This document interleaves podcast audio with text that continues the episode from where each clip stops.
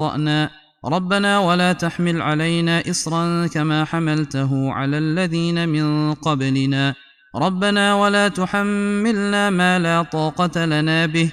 واعف عنا واغفر لنا وارحمنا. أنت مولانا فانصرنا على القوم الكافرين. بسم الله الرحمن الرحيم. قل هو الله أحد الله الصمد لم يلد ولم يولد ولم يكن له كفوا أحد. بسم الله الرحمن الرحيم. قل هو الله أحد. الله الصمد. لم يلد ولم يولد ولم يكن له كفوا أحد. بسم الله الرحمن الرحيم. قل هو الله أحد. الله الصمد. لم يلد ولم يولد ولم يكن له كفوا أحد.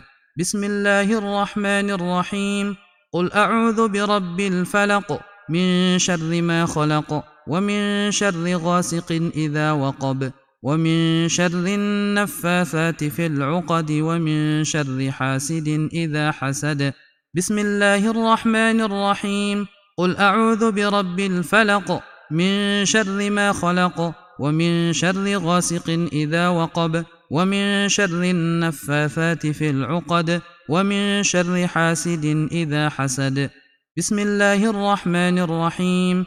قل أعوذ برب الفلق من شر ما خلق ومن شر غاسق إذا وقب ومن شر النفاثات في العقد ومن شر حاسد إذا حسد.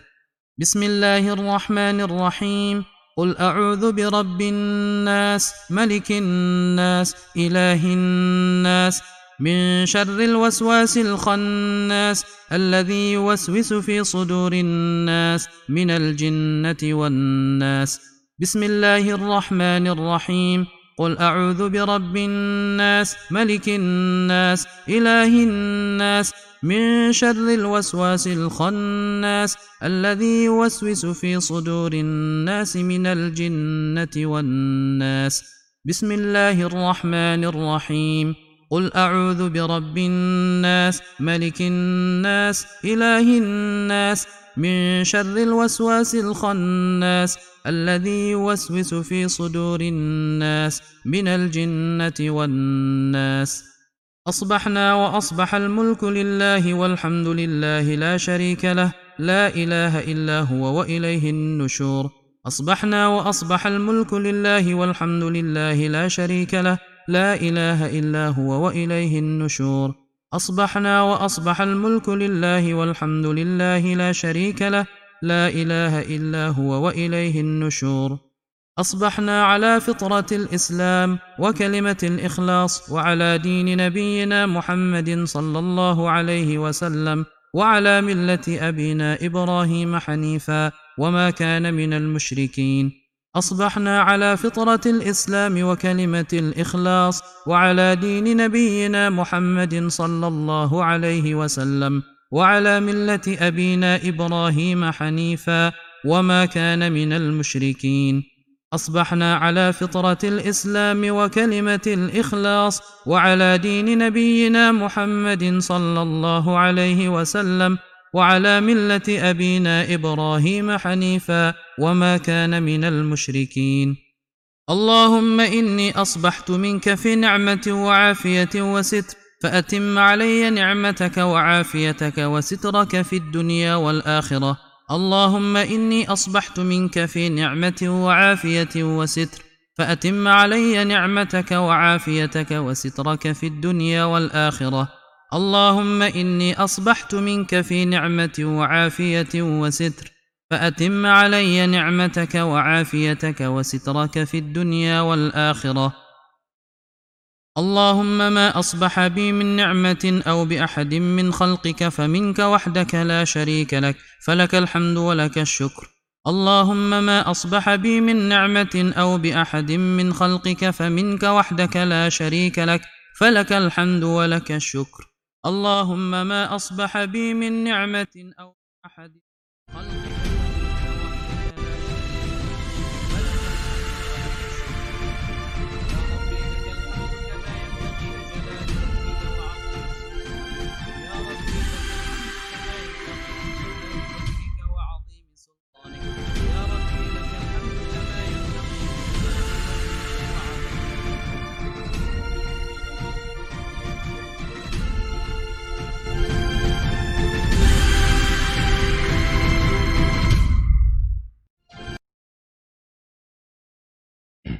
Baik, uh, bismillahirrahmanirrahim. Assalamualaikum warahmatullahi wabarakatuh. Alhamdulillahilladzi arsala rasulahu bil huda wa dinil haqq yudhhirahu 'ala dini kulli wa kafa bil syahida. Allahumma sholli ala sayyidina Muhammadin wa ala alihi wa ashabi ajmain wa man tabi'ahu ila yaumiddin. Asyhadu an la ilaha illallah wa asyhadu anna Muhammadan abduhu wa rasuluh ala dila nabiyya ba'dah. Rabbi syrah li sadri wa yassir li amri wa hlul 'uqdatam min lisani yafqahu qawli. Allahumma ftah lana hikmataka wansur alaina rahmataka min khazaini rahmatika ya arhamar rahimin. Allahumma ya muqallibal qulub tsabbit qulubana ala dinik. Allahumma ya musarrifal qulub sarif qulubana ala taatik. Rabbana la tuzigh qulubana ba'da idh hadaitana wa hab lana min ladunka rahmatan innaka antal wahhab. Allahumma khtim lana bil iman, Allahumma khtim lana bil Islam, Allahumma khtim lana bi husnil khatimah. Rabbana zidna iman warzuqna fahman bi rahmatika ya arhamar rahimin. Amin ya Allah ya rabbal alamin. Alhamdulillah eh, segala puji serta syukur hanya milik Allah dan bagi Allah atas karunia nikmat yang telah diberikan kepada kita semua, terutama nikmat iman dan Islam sehingga kita bisa bertemu kembali di kajian uh, kajian virtual ini di program ngaji subuh. Insya Allah uh, mudah-mudahan pada kesempatan kali ini setiap kesempatan yang Allah berikan ini uh, diridhoi oleh Allah Subhanahu Wa Taala dan bisa kita manfaatkan untuk uh, apa kebaikan demi kebaikan. Mudah-mudahan apa yang kita lakukan ini di program ngaji subuh ini uh, senantiasa dikaruniakan uh, keberkahan ya. Tentu saja ketika kita uh, menjalani uh, aktivitas ini mudah-mudahan eh, senantiasa dikaruniakan keikhlasan, kesabaran, dan keistiqomahan insya Allah. Salawat serta salam semoga tetap tercurah kepada baginda Nabi besar Muhammad Shallallahu Alaihi Wasallam. Alhamdulillah, insya Allah pada kesempatan kali ini di 21 Agustus 2020 ya eh, kajian sejarah atau kajian siroh insya Allah akan dibersamai oleh Ustadz Lutfi Afandi uh, Ustaz Lutfi Afandi sudah hadir sebetulnya di apa di Zoom. Uh, temanya pada kesempatan kali ini adalah sejarah Yahudi dan Nasrani di Jazirah Arab uh, mungkin bagian kedua ya. Uh, sebelumnya di pekan sebelumnya uh, kita sudah menyimak paparan dari beliau sejarah Yahudi dan Nasrani di Jazirah Arab. Uh, uh, ini ya lebih kepada sejarah Yahudinya kalau apa di pekan kemarin kalau tidak salah seperti itu ya. Uh, nah sekarang mungkin insya Allah eh, bagaimana eh, apa perjalanan atau jejak jejak eh, Nasrani di Arab ya. Ini lagi masih hangat-hangatnya eh, kemarin jejak khilafah di Nusantara ya. Eh, masih terngiang-ngiang ya. Nah, mungkin sekarang jejak Yahudi dan Nasrani di Arab. ya. Baik, terima kasih yang sudah hadir e, menyimak baik di YouTube ataupun di Zoom. E, senantiasa stay tune. Mudah-mudahan e, senantiasa istiqomah ya. Terima kasih yang sudah hadir dari berbagai daerah. Saya lihat coba uh, uh, apa tadi saya lihat dari sudah uh, sudah hadir dari berbagai daerah uh, dari untuk Nusantara dari berbagai pelosok Nusantara insya Allah. Nah untuk ini belum nampak ya dari Sydney. Mudah-mudahan uh, segera mengabsen segera hadir. Kemudian dari Brunei, dari Kuala Lumpur silahkan yang biasa stay tune silahkan untuk uh, menyimak dengan baik insya Allah. Uh, siapkan catatannya uh, agar uh, tetap keberkahan uh, kepada kita semua. Walaupun kajian virtual, insya Allah uh, keberkahan menyertai kita, insya Allah. Baik, uh, Ustadz Lutfi Afani sudah hadir uh, di tengah-tengah kita. Uh, Assalamualaikum Ustadz. Oh iya, baik. Uh, saya coba hubungkan dulu. Mohon maaf.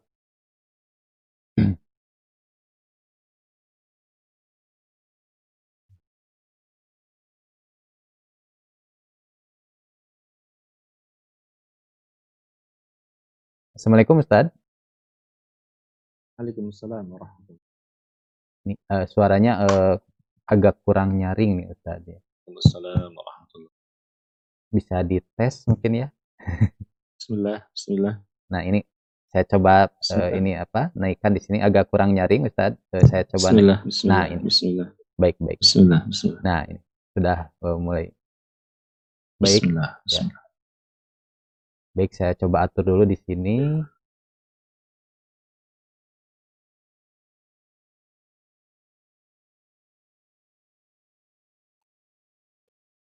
Baik Ustadz, uh, untuk mengefektifkan waktu, uh, langsung saja mungkin ya Ustadz, uh, untuk tema sejarah Yahudi dan Nasrani di Jazirah Arab ya, uh, langsung saja Ustadz ya. Uh, tafadhol Mas Kuro Ustaz, silakan. Baik, Bismillahirrahmanirrahim. Assalamualaikum warahmatullahi wabarakatuh. Alhamdulillah, alhamdulillahi rabbil alamin. Wabihi nasta'in ala umuri dunya waddin. Wa alihi wa ashabihi ajma'in. أشهد أن لا إله إلا الله وحده لا شريك له وأشهد أن سيدنا محمدا عبده ورسوله الذي لا نبي ولا رسول بعده. اللهم صل وسلم وبارك على سيدنا محمد وعلى آله وأصحابه أجمعين. أما بعد. فيا عباد الله أوصيكم وإياي بتقوى الله فقد فاز المتقون واتقون يا أولي الألباب لعلكم Alhamdulillah segala puja dan puji hanya bagi Allah. Salat dan salam semoga tercurah limpah pada junjungan alam Nabi kita Nabi Muhammad sallallahu alaihi wasallam.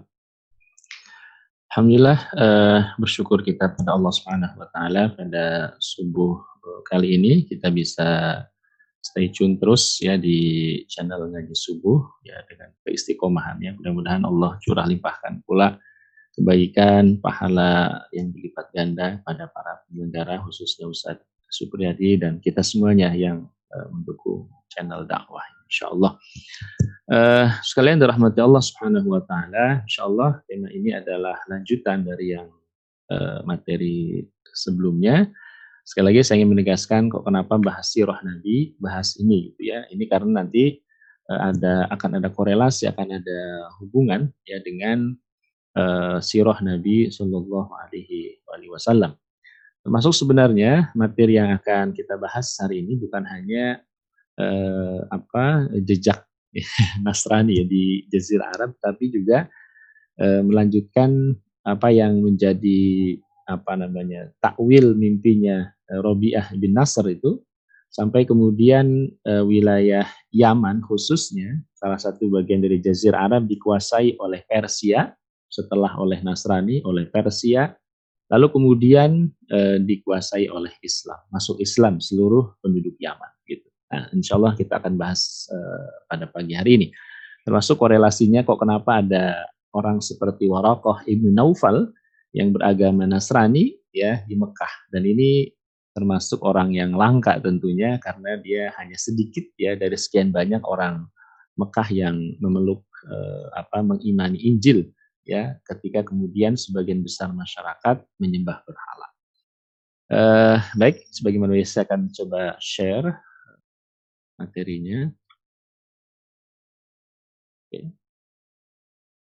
Mudah-mudahan sudah nampak, sudah terlihat. Sudah ya? baik. Uh, baik, saudara sekalian rahmati Allah Subhanahu wa taala. Um, ini sedikit ya, ini sekilas tentang Nasrani ya. Uh, dalam Quran surah Ali Imran 52 Allah taala berfirman, A'udzubillahi minasyaitonirrajim. Ini uh, untuk me, apa namanya? Berkolerasian ya antara apa itu Nasrani dan diambil dari apa gitu. Sebagian ada yang mengatakan bahwa uh, Nasrani itu merujuk kepada Eh, salah satu uh, firman Allah yang kemudian menunjukkan kepada penolong ya, penolong-penolongnya agama Allah Subhanahu wa taala. Dijelaskan a'udzubillahi minasyaitonirrajim falamma ahassa falamma ahassa Isa minhumul kufra qala man ansari ila Allah qala al-hawariyuna nahnu ansarullah amanna billah washhad bi anna muslimun. Maka ketika Isa ya alaihissalam mengetahui keingkaran mereka Bani Israel, maka berkatalah dia siapa yang akan menjadi penolong-penolongku untuk menegakkan agama Allah. Lalu berkata para hawariyin, ini sahabat-sahabat setianya Nabi Isa alaihissalam, yang mereka menjawab, nahnu ansarullah. Kamilah ya penolong-penolong agamanya Allah. Ya, kami beriman kepada Allah dan saksikan bahwa sungguh kami orang-orang yang berserah diri. Bi anna muslimun. Ya, kami orang-orang muslim. Nah, kira-kira demikian. Nah, itu eh, apa namanya asal asal salah satu ya di antaranya eh, untuk menjawab eh, dari mana eh, istilah Nasrani. Ya. Eh, sedikit saya sampaikan historicalnya. Sebelumnya saya sampaikan historical Yahudi. Uh, Bani Israel. Sebenarnya kalau kita lihat ya uh, Nabi Isa alaihissalam ya itu juga sama merupakan bagian uh, apa akhir-akhir nih dari uh, Bani Israel ya. Uh, Imran ya kita tahu keluarga Imran dalam Al-Qur'an disebut Alu Imran atau Ali Imran ya itu sezaman dengan Nabi Zakaria alaihissalam ya um, kita tahu ya Imran apa Imran ini walaupun kemudian uh, tidak disebutkan bahwa dia seorang nabi memang tetapi dia merupakan bagian dari orang yang soleh pengabdi ya uh, di Baitul Maqdis gitu. Uh, saya ringkaskan saja gitu uh, sampai kemudian kita tahu bahwa Imran memiliki anak yang sangat solihah yakni uh, Maryam ya Maryam kemudian diasuh oleh Nabi Zakaria alaihissalam ya setelah wafatnya eh, apa namanya eh, Imran terutama ya. Karena ketika itu eh, istrinya Imran Hannah itu bernazar ya bahwa ketika nanti punya anak maka akan eh, apa diserahkan ya dalam tanda petik untuk mengabdi di Baitul Maqdis gitu ya. Eh, dan Maryam itu kemudian eh, apa ditempatkan demikian ya jadi menjadi pelayan Baitul Maqdis ya. Dan pada saat itu yang mendapatkan keistimewaan untuk mengasuh Maryam adalah Nabi Zakaria eh, alaihissalam. Nah, Nabi Zakaria kita tahu sudah sekian lama usia yang sudah sangat sepuh tidak dikarunia Allah anak, tetapi kemudian Allah berikan kabar kepada Nabi Zakaria bahwa dia akan eh, apa namanya datang ya seorang anak ya di gula minis Yahya ya dengan anak yang bernama uh, Yahya. Ini antara Yahya dan Nabi Isa alaihissalam ini kira-kira sezaman ya. Uh, Nabi Isa alaihissalam itu putra dari Maryam sementara Yahya putra dari Nabi, Nabi Zakaria alaihissalam. Ya. Dan kita tahu tentu nasib uh, para nabi pada zaman itu ya uh, Bani Israel menolak uh, Nabi Zakaria ya juga Nabi Yahya akhirnya kemudian uh, apa namanya uh, mereka ya para nabiullah tersebut ya dibunuh ya oleh uh, Bani Israel.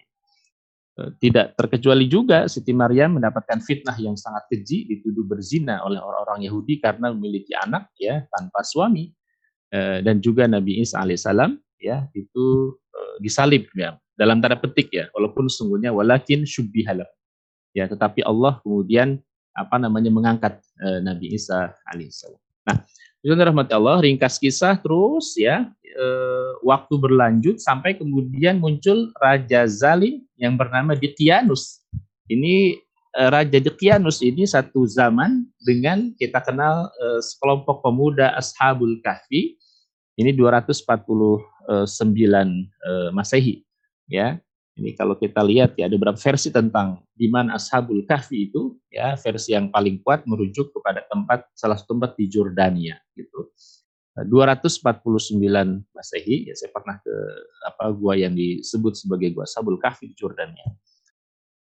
Uh, lalu kemudian berikutnya ya muncul uh, Kaisar Konstantinus. Nah, Kaisar Konstantinus inilah yang dalam tanda petik ya memiliki Eh, kalau menurut orang-orang Kristen itu punya jasa yang besar ya untuk eh, apa namanya eh, apa melakukan semacam eh, pembukuan eh, apa eh, Alkitab ya atau Bible ya dibersihkan Bible itu dari eh, apa namanya dari Bible yang benar sebenarnya atau Injil yang benar gitu ya pada masa Konstantinus gitu. Jadi kemudian dia uh, ingin menyatukan pendapat-pendapat disebut dengan kanosius gitu ya uh, kanosius itu kumpulan dari ajaran-ajaran uh, apa namanya apa Bible gitu yang kemudian disingkirkan tuh dari kemudian apa namanya apa pendapat-pendapat yang benar atau kemudian ayat-ayat yang benar gitu.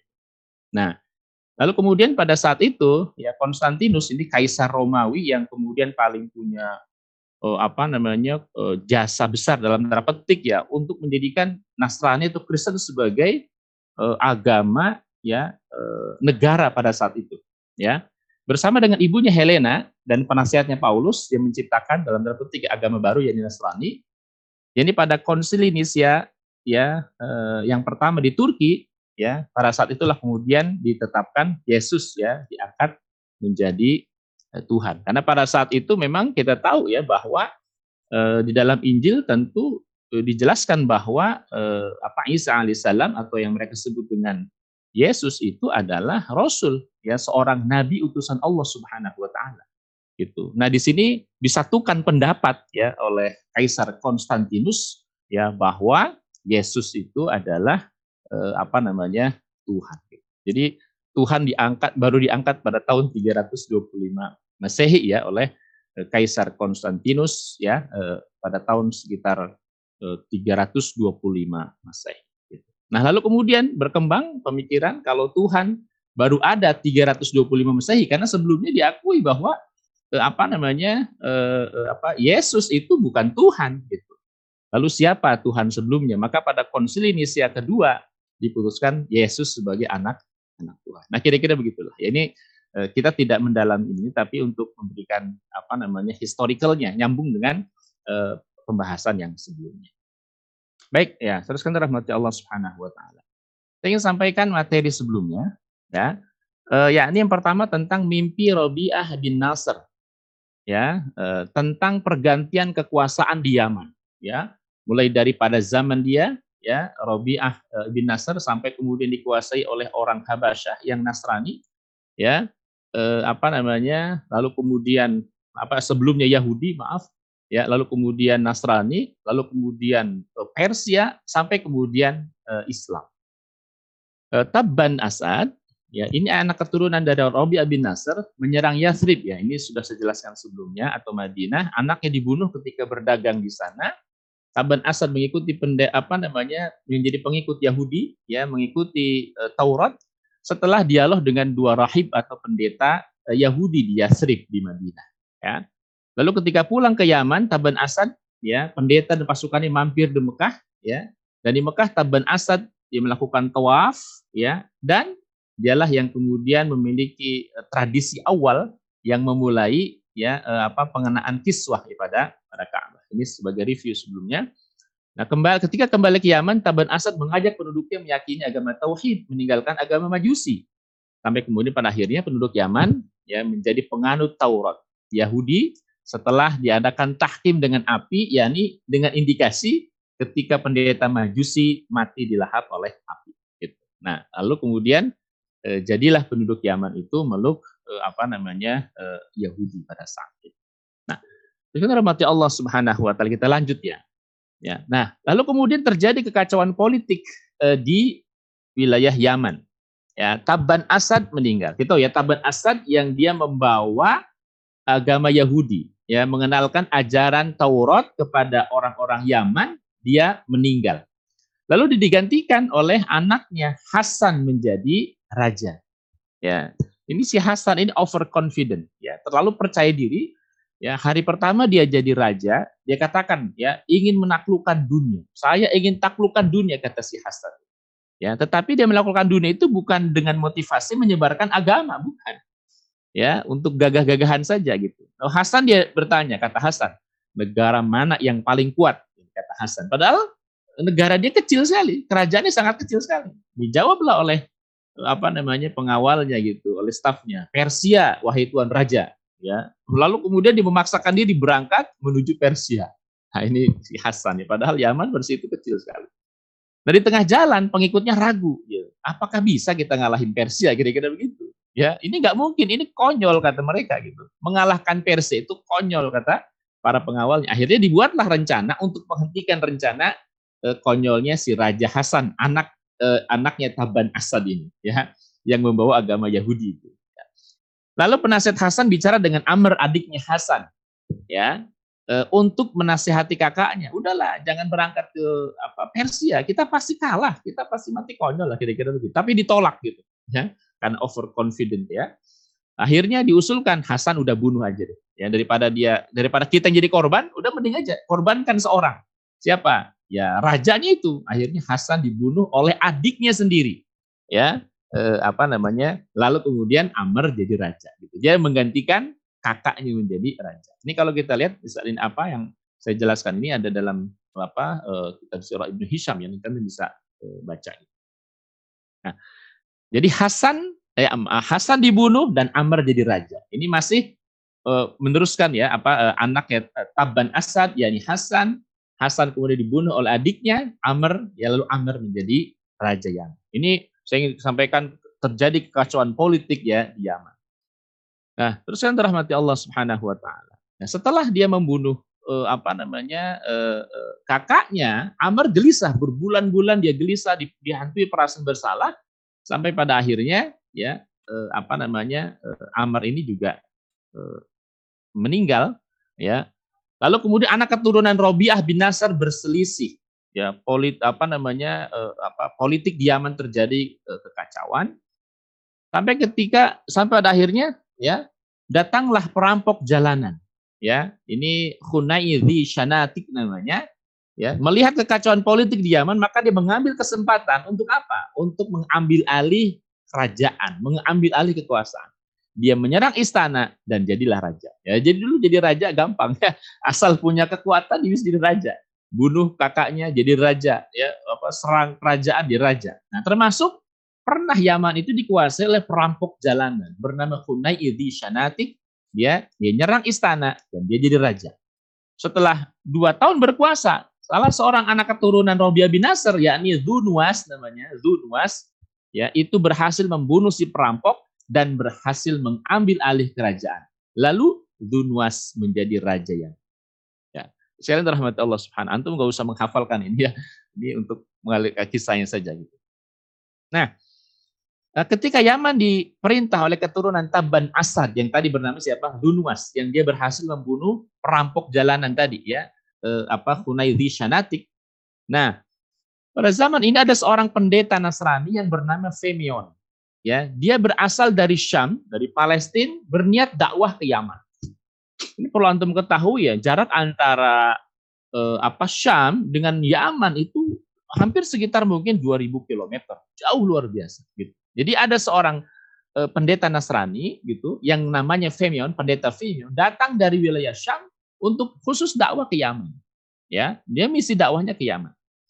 Nah, dalam perjalanan dia diserang oleh perampok, ya, dia ditangkap dan dijual. Jadi si pendeta ini ditangkap dan dijual menjadi budak ya seorang laki-laki Najran.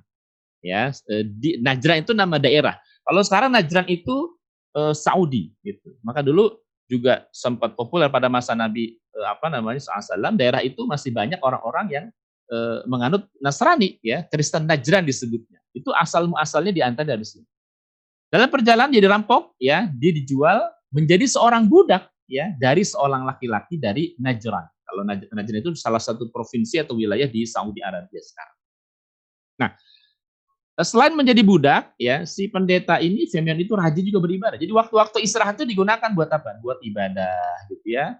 Eh, apa namanya? Eh, buat sembahyang, gitu ya di waktu istirahat. Nah, nah satu saat si majikannya Femion ini, ya, si majikannya Femion yang beragama pagan, ya menyembah pohon pada saat itu. Jadi orang-orang Najran pada saat itu menyembah pohon. Jadi memang unik ya agama pagan ini, ya Eh, pohon disembah gitu ya, api disembah. Pokoknya apa pun yang menurut mereka itu dianggap dalam tanda keramat disembah. Nah, termasuk orang-orang Najran ini, ya, mayoritas penduduknya itu menyembah pohon. Nah, suatu saat si majikannya pendeta Femion ini, ya, dia melihat ketika si apa pendeta Femion itu sedang ibadah, itu dia lihat tubuhnya bercahaya gitu.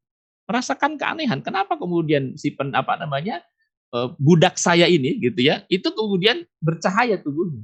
Nah, ketika ditanya, Femion ini menggunakan kesempatan itu untuk mendakwahi tuannya karena dia tahu tuannya itu menyembah ya apa menyembah eh, pohon gitu ya dia, dia apa nama didakwahilah tentang ajaran Injil ya eh, karena Femion tahu ya apa namanya eh, orang-orang Najran itu hampir semuanya menyembah lalu si Femion itu bertanya pendeta Femion bertanya bagaimana kalau Tuhan saya dapat mengalahkan Tuhan kalian? Ya eh, mengalahkan Tuhan eh, apa Tuhannya Tuhan. Apakah Tuhan bersedia menyembah Tuhan saya? Gitu. kata tuannya Femion ini pendeta Femion kalau memang Tuhan kamu dapat mengalahkan Tuhan saya aku masuk agama kamu. Gitu kira-kira. Jadi dulu orang itu apa namanya ya memang eh, apa se, eh, apa sesuai dengan zamannya gitu ya ketika kemudian pada zaman pagan ketika orang melihat misal ini punya kekuatan ketika Tuhan yang dianggap punya kekuatan dikalahkan ya udah dengan mudahnya dia beralih gitu. Dia beralih keyakinan semudah itu gitu. Ya. E, kata e, kata majikannya Femion kalau memang Tuhannya saya dapat dikalahkan oleh Tuhanmu saya ikut pada agama kamu. Kira-kira begitu. Nah terus dirahmati Allah Subhanahu wa taala. Satu saat Ya, berkumpullah itu orang-orang ya di dekat pohon yang menjadi sesembahannya penduduk Najran. Jadi satu pohon, ya pohon besar yang dianggap sebagai Tuhan, sesembahannya orang Najran. Nah, pendeta Femion itu dia eh, apa namanya sebelum uh, dilakukan pembuktian Tuhan siapa yang paling hebat lah kira-kira begitu. Dia berdoa agar si penduduk Najran itu menyembah Allah yang esa, ya apa namanya eh, apa eh, mengimani tauhid ya lalu kemudian apa? Tiba-tiba petir menyambar, membakar pohon yang menjadi sesembahan orang-orang Najran. Gitu ya. Saat setelah eh, pendeta Firman sholat, ya dia sembahyang, dia ibadah, lalu kemudian tiba-tiba petir menyambar dan membakar pohon yang menjadi sesembahan orang-orang Najran. Nah, melihat peristiwa tersebut, maka seluruh penduduk Najran ya mengimani Injil, menyembah agama Tuhan yang esa, tidak lagi menyembah pohon sebagaimana keyakinan eh, agama pagan apa namanya sebelumnya. Maka menjadilah penduduk Najran itu menjadi Nasrani. Ya, maka kita kenal ada Nasrani eh, apa namanya Najran itu asal muasalnya dari pendeta Femion ini. Nah, terus yang terhormat ini kira-kira uh, apa namanya peta perjalanannya pendeta Femion ya berasal dari Syam ya sini. Ya ini menuju Najran. Berapa kilo ini? 2352 km itu bisa bayangin luar biasa. Tujuannya ke sini nih ke Yaman. Sebenarnya sebentar lagi cuma apa sedikit lagi ke daerah Yaman. Hanya karena dia dirampok ditawan jadi budak akhirnya tinggallah dia di Najran dan eh, apa namanya mentauhidkan ya penduduk eh, apa namanya Najran pada saat gitu ya Nah, berlalunya waktu pendeta Feynman meninggal. Meninggalnya di mana? Di Najran gitu. Belum sempat ke wilayah Yaman gitu. Nah, lalu di Najran itu banyak pendeta lahir hasil didikan dari pendeta Feynman. Di antaranya Abdullah bin Sabit. Ini salah seorang eh, apa namanya eh, pendeta didikannya Feynman. Nah, mengetahui misi gurunya ya, yakni Femion ya, yang akan berdakwah ke Yaman karena penduduknya beragama Yahudi gitu, ya. Eh, karena kita tahu ya bahwa orang-orang Kristen pada saat itu meyakini bahwa eh, apa namanya eh, apa sama ya ketika kemudian diutus sebelumnya seorang nabi dan rasul ya mereka meyakini bahwa dalam kitab Taurat itu ada nubuah kehadiran seorang nabi utusan Allah yang bernama Isa bin Maryam. Nah, jadi mereka mendakwahi penduduk Yaman itu sebelum beragama Yahudi karena karena misi tadi gitu untuk menyampaikan agama e, Nasrani ya e, apa namanya karena dalam kitab Taurat eh, memang ada nubuah bahwa setelah e, apa nabi-nabi yang sebelumnya akan diutus Nabi Isa Nah, dengan motivasi itu kemudian Simon berangkat ya walaupun pada akhirnya kemudian dia meninggal di Najran. Dilanjutkan misi tersebut oleh e, murid yang bernama Abdullah bin Sabit. Nah, di Yaman ya rajanya kita tahu ya pada saat itu apa Dunwas ya ya Zunuas ya menjadi raja di Yaman. Walaupun sebelumnya dia beragama Yahudi ya nah inilah ini apa namanya pelajaran penting ya. Ketika keimanan itu tidak betul-betul dilandasi atas dasar pemahaman maka orang akan dengan sangat mudah itu uh, berubah gitu. Ya karena tidak dilandasi oleh pemahaman. Kita tahu ya masuk apa namanya masuk agamanya karena apa gitu. Bukan karena dasar pemahaman yang kokoh gitu Nah, si Raja Dunuas ini yang sebelumnya Yahudi, kemudian dia mengaku jadi Tuhan. Gitu. Ya, ya, dia ngaku jadi jadi Tuhan si Raja karena dia punya merasa punya kuasa. Ya, orang pada zaman itu pohon aja dianggap sebagai Tuhan, api aja dianggap sebagai Tuhan, apalagi orang kan kira-kira begitu. Nah, si Raja Dunuas ini dia mendeklarasikan jadi jadi jadi Tuhan. Gitu ya. Maka perlahan-lahan penganut Taurat ya atau Yahudi terkikis habis diangan. Dunuas akhirnya memilih pendampingnya itu para penyihir. Ini sesuai dengan zamannya memang pada saat itu ya ketika paganisme berkembang luar biasa gitu ya. Akhirnya apa? Kerajaan Yaman pada saat itu ya itu menjadi kerajaan pagan lagi, gitu. menjadikan dukun-dukun para penyihir sebagai pendamping uh, raja, ya Zunuas pada saat itu. Nah, Abdullah bin Sabit kaget melihat fenomena. Oh, katanya orang Yaman itu Yahudi. Tapi kok kenapa sekarang menjadikan apa rajanya jadi Tuhan kira-kira begitu. Ya, karena dia eh, apa namanya?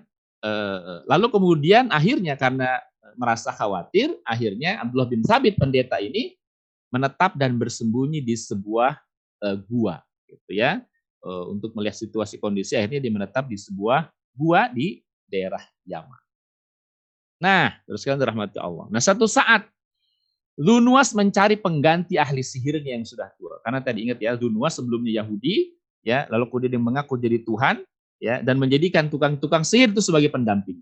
Nah, satu saat dia ingin mengganti itu, ya. Kalau istilah sekarang ingin melakukan regenerasi ahli sihirnya yang sudah tua itu diganti jadi ahli-ahli sihir yang kemudian masih muda-muda. Akhirnya terpilihlah seorang remaja yang paling cerdik, yang paling pintar untuk mewarisi, mewarisi ilmu sihirnya kerajaan. Ya, setiap hari di training nih, ya si anak muda itu di training belajar sihir kepada apa tukang sihir senior ya kerajaan gitu. Ya. Nah di perjalanan ya dari rumah ke apa tempat dia apa namanya belajar ilmu sihir tadi, dia melintasi tempat yang ditempati oleh pendeta Abdullah bin Sabit dari Najran tadi. Dia sering mendengar rintihan rahib itu dalam ibadahnya, akhirnya dia tertarik ya dan dia pelajari Injil ya dengan si pendeta tersebut. Gitu. Nah, jadi dua hal ini pelajari, satu dia belajar sihir, satu lagi dia belajar apa namanya eh, Injil ya kepada si pendeta tadi. Nah, akhirnya walaupun pendeta tersebut pelajari ilmu sihir, ya karena sekaligus dia pelajari Injil juga kepada sang pendeta, akhirnya dia benci terhadap sihir. Gitu. Karena jelas apa namanya uh, sihir itu ya tentu bertentangan ya dengan uh, dengan akidah. Nah, karena itu dia tidak lagi pergi belajar ya. Jadi mangkir dia ya yang harus sudah dijadwalkan waktunya akhirnya tidak datang lagi dia mangkir akhirnya ketahuan ya eh, apa namanya bahwa ternyata si eh, anak muda itu tidak lagi belajar sihir karena belajar Injil kepada pendeta Abdullah bin Sa'ad ya Mengetahui akan hal itu, si tukang sihir lapor kepada Raja Zunwas. Ya, lalu akhirnya apa? Tangkap. Si pemuda itu ada ditangkap, disiksa, dan dipaksa keluar dari Nasrani. Ya, agama yang dipelajari dari si pendeta tadi itu. Remaja itu tapi tetap dalam pendiriannya, ya walaupun diancam, ya si remaja itu, si pemuda itu diancam, ya akan dibunuh oleh Zunwas. Apa yang terjadi selanjutnya? Rahmati Allah. Untuk membunuh pemuda tadi, ya eh, Raja Zunwas itu apa namanya memerintahkan para aparatnya gitu untuk membuangnya ke tengah lautan. Ya pokoknya bawa dia ke tengah lautan, buang di tengah lautan, mati selesai. Kira-kira begitu. Namun ternyata setelah di tengah lautan datang badai yang membuat perahu atau sampan itu terbalik. Ya, yang luar biasanya semua pengawal raja mati, ya tetapi kemudian uh, si remaja itu si pemuda itu pulang menghadap raja dengan selamat gitu. ini membuat si raja keheranan oh kenapa? Mana pengawal saya? Mati gitu kenapa? Sampan terbalik gitu hanya saya yang selamat ya kata si pemuda tadi gitu. lalu si Zunuas ini apa namanya justru semakin marah dia nggak puas. Akhirnya diperintahkan lagi remaja itu dilempar dari atas gunung. Kalau sebelumnya apa di tengah lautan. Kalau begitu bawa ke atas gunung ya lemparkan dia dari atas ya sampai dia mati kata Dunwas. Nah, untuk melihat hal tersebut maka seluruh rakyat itu dipanggil untuk menyaksikan apa namanya pelemparan si anak muda yang masuk Nasrani tadi gitu ya apa namanya membangkang dari perintahnya raja ya apa namanya untuk dilempar dari atas gunung. Nah, ketika pemuda tersebut hendak dilemparkan dari atas gunung, ternyata terjadi gempa bumi ya sehingga seluruh tentara raja yang membawanya ke atas gunung tadi jatuh dari atas gunung ya. Dan lagi-lagi si remaja itu selamat. Nah ini di dua kali kejadiannya. Ketika kemudian di apa eh, apa dibawa ke lautan di eh, apa hendak dilemparkan ternyata ya terjadi badai dia selamat gitu. Ketika atas gunung terjadi gempa dia selamat. Nah lalu akhirnya si pemuda itu membongkar rahasia ya dia, dia bilang begini, kalau Tuhan ya ingin membunuh saya mudah, gampang. Ya, apa? caranya kumpulkan seluruh rakyat ya, kumpulkan seluruh rakyat banyak ya. Lalu kemudian ikat saya di sebuah pohon ya dan silahkan tuan panah ya, panah saya dengan panah milik saya. Tetapi syaratnya kata si pemuda tadi, apa syaratnya? Ya, tuan raja menyebut dengan lantang ketika hendak memanah saya dengan nama Allah Tuhannya si pemuda ini. Jadi syaratnya apa? Syaratnya si Raja Zunuas ini ya ketika hendak memanah uh, si pemuda tadi menyebutkan dengan lantang, teriak dengan lantang ya dengan nama Allah Tuhannya si pemuda ini. Ya, deal? Oke, okay. akhirnya si Zunuas sepakat gitu. Nah, setuju Zunuas akhirnya dengan lantang ya yang kemudian terdengar oleh masyarakat yang hadir. Dia teriak dengan nama Allah Tuhan pemuda ini. Akhirnya apa? Anak panah melesat dan akhirnya pemuda tersebut meninggal. Gitu. Nah, tapi apa pelajaran dirahmati Allah? Pelajarannya adalah ternyata si penduduk tadi ya setelah mengetahui dua kejadian, dilempar ke lautan gagal, dia hidup, pengawalnya mati, dilempar ke atas gunung, dia hidup, pengawalnya mati. Tetapi dengan kejadian seperti ini, ya, dia menjadi yakin bahwa ya apa yang membuat kematian itu bukannya si tuan raja tadi, tetapi apa? Dengan nama Allah Tuhannya si pemuda ini. Itulah yang disaksikan oleh rakyat Yaman pada saat itu. Nah, maka Kristen rahmati Allah menyaksikan peristiwa tersebut akhirnya apa? Ya, tadi mereka punya kesimpulan. Tuba Nuas ya dengan kekuasaan gegahani tidak dapat membunuh remaja tadi melainkan setelah menyebut dengan nama Allah Tuhannya remaja ini. Akhirnya apa? Sekitar 20 ribu rakyat Yaman yang melihat peristiwa tersebut ya mengimani ajaran Injil dan masuk Nasrani. Gitu. Jadi semudah itu dulu ya. Jadi bayangkan 20 ribu orang melihat peristiwa yang sangat apa namanya eh, apa membuka mata mereka. Akhirnya apa? Ya, akhirnya rakyatnya Zunwas ya sekitar 20 ribu orang ya itu berpindah agama, meninggalkan ya agama paganisme dan masuk Nasrani. Nah, eh, saudara sekalian dirahmati Allah Subhanahu wa taala. Nah, terkait dengan Dunwas ini ya, eh, saya ingin sampaikan ya, apa yang eh, apa eh, apa dilakukan oleh Dunwas berikutnya setelah melihat ya bahwa seluruh penduduknya hampir sekitar 20 ribu orang itu ya berpindah agama. Ya tidak lagi mengimani dia sebagai Tuhan kira-kira begitu. Dia murka luar biasa. Akhirnya apa yang dilakukan? Dia memerintahkan tentara-tentaranya menggali sebuah lubang yang besar. Atau dalam bahasa Arab disebut ukhdud ya. Lubang besar semacam parit ya. Parit digali karena 20 ribu orang ini ya. Dia menggali dua apa namanya parit yang panjang ya dipenuhi dengan kayu-kayu bakar dinyalakan api yang sangat besar ya apa yang dilakukan Ya, pilihannya kata dia, siapa yang tidak mau keluar dari agama Nasrani, agama tauhid ya pada saat itu akan dilempar ke dalam api. Ya, itu ancaman Zunwas. Ya, jadi dia Anda pilih saya sebagai Tuhan, ya atau Anda keluar dari eh, apa namanya eh, apa agama ini, ya eh, apa agama yang kalian peluk kira-kira begitu. Ya, jadi pilihannya tadi, ya eh, apa kalau Anda tetap pada keyakinan kalian semuanya, ya maka kalian akan dibakar ya dimasukkan ke dalam parit ya eh, apa namanya yang panjang yang diisi oleh kayu bakar dan dibakar yang menyala-nyala. Nah, terus antara mati Allah Subhanahu wa taala. Tetapi ya eh, ini karena baru memeluk eh, apa namanya agama tauhid pada saat itu, akhirnya apa? Sebagian besar tetap pada ajaran tauhid ya dan meninggalkan agama pagan ya yang menjadikan dunuas itu sebagai Tuhan. Nah, Allah Subhanahu wa taala merekam peristiwa tersebut ya yang sangat tragis tersebut dalam Quran surah Al-Buruj. Ya, ini eh, apa itulah di antara apa sebabun nuzulnya eh, di antaranya ya'udzubillahi minasyaitonir rajim qutila ashabul ukhdud annari dzatil waqud idhum 'alaiha qu'ud wa hum 'ala ma yaf'aluna bil mu'minina syuhud.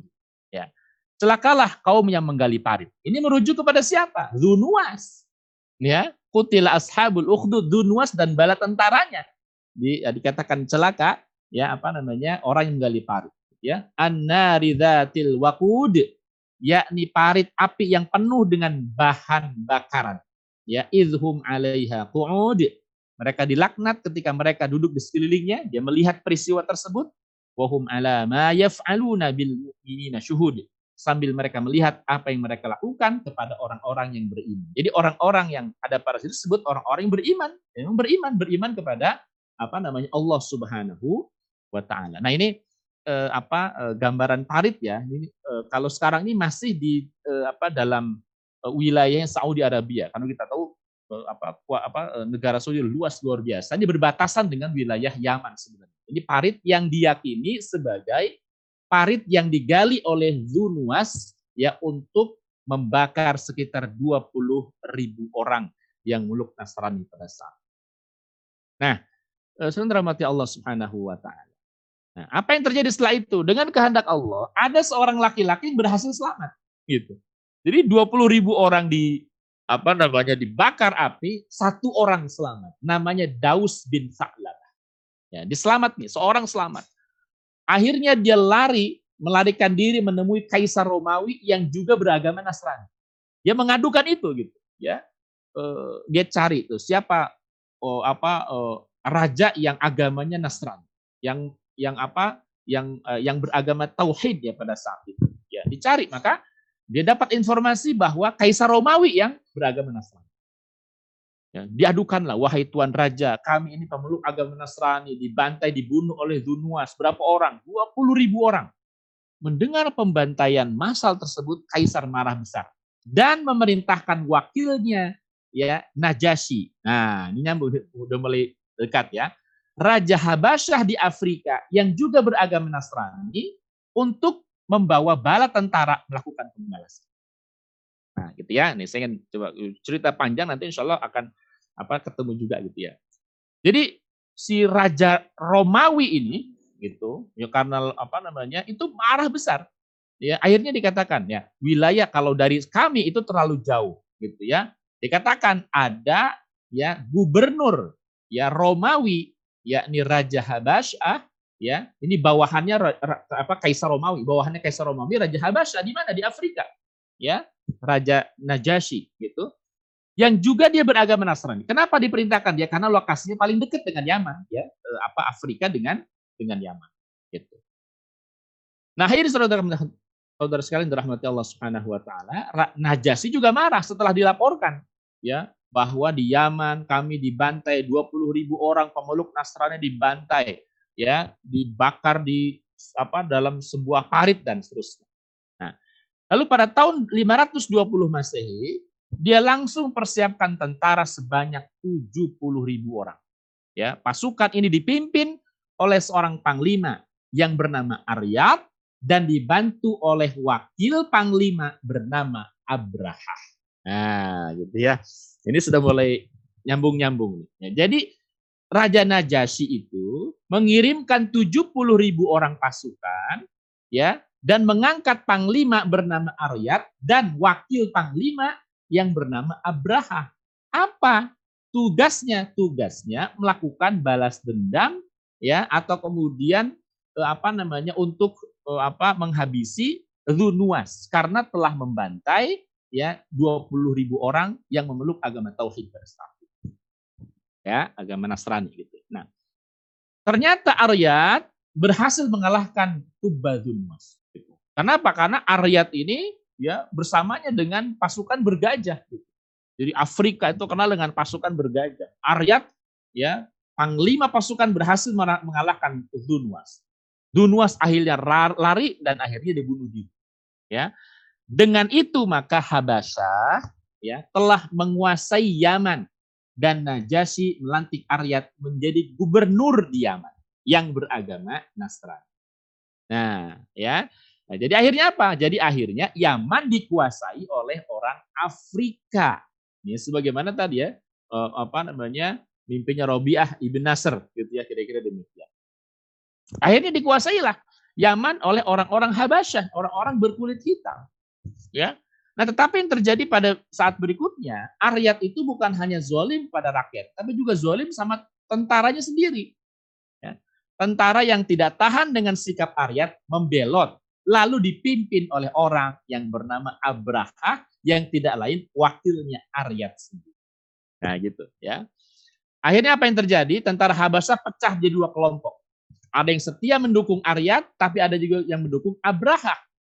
Abraha tidak ingin terjadi peperangan di kalangan sama tentara, ya kata kata Abraha, jangan libatkan ya apa eh, penduduk, jangan libatkan tentara-tentara, ya eh, apa namanya cukup di antara kita berdua saja. Kata siapa Abraha, ya eh, akhirnya kata Abraha, ya kalau begitu sekarang kita ya apa gentle saja, ya duel satu lawan satu. Ya, akhirnya apa? Ya, akhirnya apa namanya? Eh, Abraha lah yang memenangkan eh, duel satu lawan satu tadi. Ya, karena perjanjian sebelumnya siapa yang menang? Dia yang akan menjadi gubernur Yaman. Gitu, ya. Dalam pertarungan tersebut 525 Masehi Abraha berhasil membunuh Aryat ya yang tidak lain adalah eh, panglimanya sendiri karena Abraha wakilnya. Ya, sebelum terbunuh, Aryat sempat menebaskan pedang mengenai hidungnya Abraha hingga menjadi cacat. Sejak itulah Abraha digelari Abraha al-Ashram, yakni Abraha yang hidungnya cacat itu. Ya. Lalu Abraha mendeklarasikan dirinya sebagai gubernur Yaman. Nah, gitu ya. Ya, dia mendeklarasikan menjadi apa? Gubernur Yaman. Tetapi ya eh, karena Abraha yang jadi gubernur Yaman atas kehendaknya sendiri tanpa sepengetahuan Raja Najasyi, ya itu kematiannya Arya terdengar oleh Raja Najasyi ya Najasyi marah besar ya dan akan memimpin pasukan ke Habasyah untuk menghukum Abraha. Ini anak nakal nih, wakil panglima yang nakal karena telah membunuh komandannya sendiri gitu. Dia bersumpah ya, Raja Najasyi bersumpah tidak akan kembali ke Habasyah sebelum dapat menginjak tanah Yaman dan membotaki kepalanya si Abraha. Ya, sebagai hukuman dan penghinaan kepada Abraha. Jadi Raja Habasyah berjanji akan apa? apa namanya menginjak tanah Yaman dan membotakinya kepala si Abraham. Ya, Abraham mendengar sumpahnya sang raja takut dia. Ya, tapi dengan kepintarannya dalam tanda petik ya, apa yang dilakukan? Yang dilakukan oleh Abraham itu, dia mengirim utusannya menghadap Raja Najasyi membawa rambutnya yang sudah digunduli dan tanah Yaman. Jadi Eh, si apa namanya karena apa janjinya si Abraham saya akan injak tanah Yaman dan saya akan botaki kepalanya Abraham sebagai bentuk hukuman dan penghinaan. Nah, mendengar ancaman dari sang raja, Abraham gemetar, takut dia. Akhirnya dikirim utusan menghadap Raja Najasyi, ya, membawa sesuatu. Apa itu? Satu, apa rambutnya Abraham yang sudah digundul dan tanah Yaman. Setelah, setelah itu ditulis surat kepada Raja Najasyi, wahai tuan raja, ya ini Abraha sudah menyempurnakan sumpah tuanku. Ini rambut Abraha dan ini tanah Yaman untuk tuanku injak. Abraha tetap setia dan tunduk pada tuanku Raja Najasyi. Ya, maka perlakuan Abraha tersebut membuat Raja Najasyi membatalkan niatnya ya untuk menghukum Abraha. Maka tetaplah jadinya Abraha itu menjadi apa? Gubernur di Yaman. Nah, terus kalian dirahmati Allah Subhanahu wa taala. Nah, walaupun Raja Najasyi ya di Afrika telah memaafkan Abraham, tapi dia masih belum puas itu. Dia masih ingin menebus kesalahannya terhadap Raja Najasyi dan untuk menunjukkan loyalitasnya. Apa yang dilakukan oleh Raja Abraham?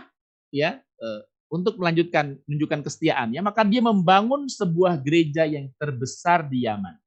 Nah, Abraham menamakan gereja tersebut dengan gereja Al-Qalis, ya. 520 karena tempatnya di situ 527 sampai 560 masih. Jadi sekitar eh, apa tiga tahun Abraham membangun gereja. Nah, ini ini eh, foto ini adalah foto ya yang eh, menjadi bekas ya dibangunnya gereja Al Qulais ya yang dibangun oleh Abraham di daerah Yaman. Di sekitarnya sudah perumahan penduduk ya, tapi ini kemudian diabadikan dalam tanda petik untuk menunjukkan bahwa inilah dulu tempat yang pernah dibangun oleh eh, Abraham gereja gitu. Nah, lalu dia mengirim berita kepada Raja Najasyi bahwa dia telah membangun sebuah gereja yang terbesar di Yaman. Dan dia akan memerintahkan semua kabilah Arab supaya datang berhaji ke Yaman. Nah, gitu. Jadi, wahai Tuan Raja, saya telah membangun gereja yang terbesar. Saya akan perintahkan orang-orang Arab untuk datang ke sini. Gitu ya. Karena dia tahu juga gitu ya, para itu orang-orang Arab datangnya ke mana? Ke Mekah gitu ya. Tapi dia membuat rencana membangun gereja yang megah supaya orang-orang Arab datang ke Yaman untuk datang ke gereja dia, bukan ke Mekah gitu ya, bukan ke Ka'bah. Selanjutnya Abraham mengirimkan surat dan utusan-utusan kepada seluruh kabilah Arab supaya datang dan berhaji di Al-Qulais. Itu. Jadi ya ingin apa? Membuat tandingannya Ka'bah gitu. Motivasinya karena tadi gitu. Awalnya ingin menunjukkan kesetiaannya kepada Raja Najasyi, ya. Nah, supaya rame itu apa namanya?